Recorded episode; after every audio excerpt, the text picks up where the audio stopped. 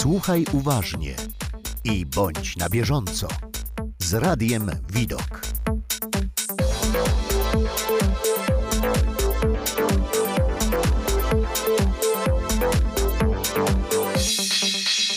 Widok na informacje. Wiktor Martosz, zapraszam.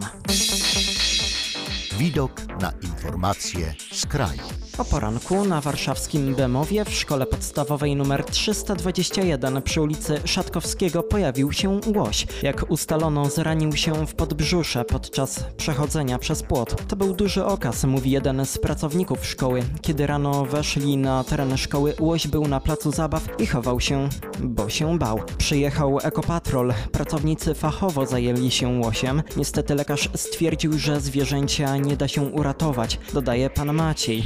Rany podbrzusza były bardzo poważne. Zwierzę zostało uśpione.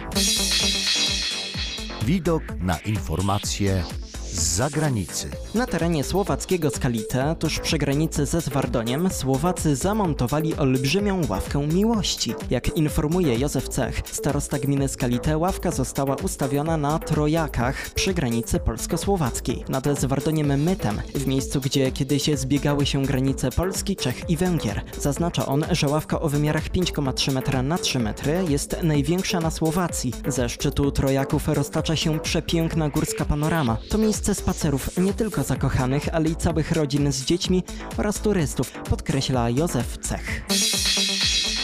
Widok na informacje z Bielska Białej. Czechowicach-Dziedzicach 41-letni bielszczanin podczas domowej awantury ranił nożem swoją 44-letnią konkubinę i zbiegł z miejsca zdarzenia.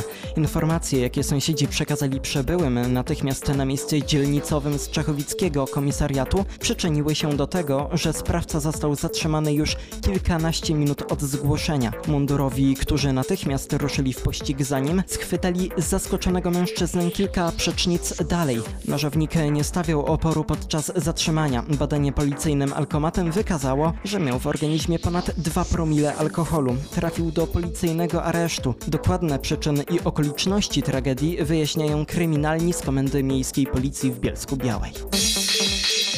Widok na informacje z powiatu żywieckiego. Do 27 maja mieszkańcy Żywca mogą składać wnioski o dotację przy wymianie pieca. Po raz pierwszy nie będzie dofinansowania do wymiany na nowe piece węglowe. Dotacje udzielane są w ramach programu ograniczenia niskiej emisji w mieście Żywcu, który w Grodzie nad Sołą i Koszarową funkcjonuje już od kilkunastu lat. Podczas jednej z sesji Rady Miejskiej w Żywcu kierownik referatu ochrony środowiska Anna Czerwińska poinformowała, że w programie na 2022 rok doszło do zmiany. To rezygnacja z dofinansowania kotłów węglowych, ale kwota pozostaje taka sama, powiedziała Anna Czerwińska. Z zapisów programu wynika, że w tym roku przewiduje się modernizację 66 kotłowni, a mieszkaniec może liczyć na dofinansowanie do 6 tysięcy złotych przy zakupie i instalacji nowego ekologicznego źródła ciepła. W grę wchodzi wymiana na piece gazowe, olejowe, elektryczne, na pelet zgazowujące drewno, wymiennikowy węzeł cieplny lub pompy ciepła. Wnioski na odpowiednich drukach należy składać do 27 maja w biurze obsługi PONE w siedzibie spółki Miejski Zakład Energetyki Cieplnej Ekotermy w Żywcu lub przesłać drogą mailową.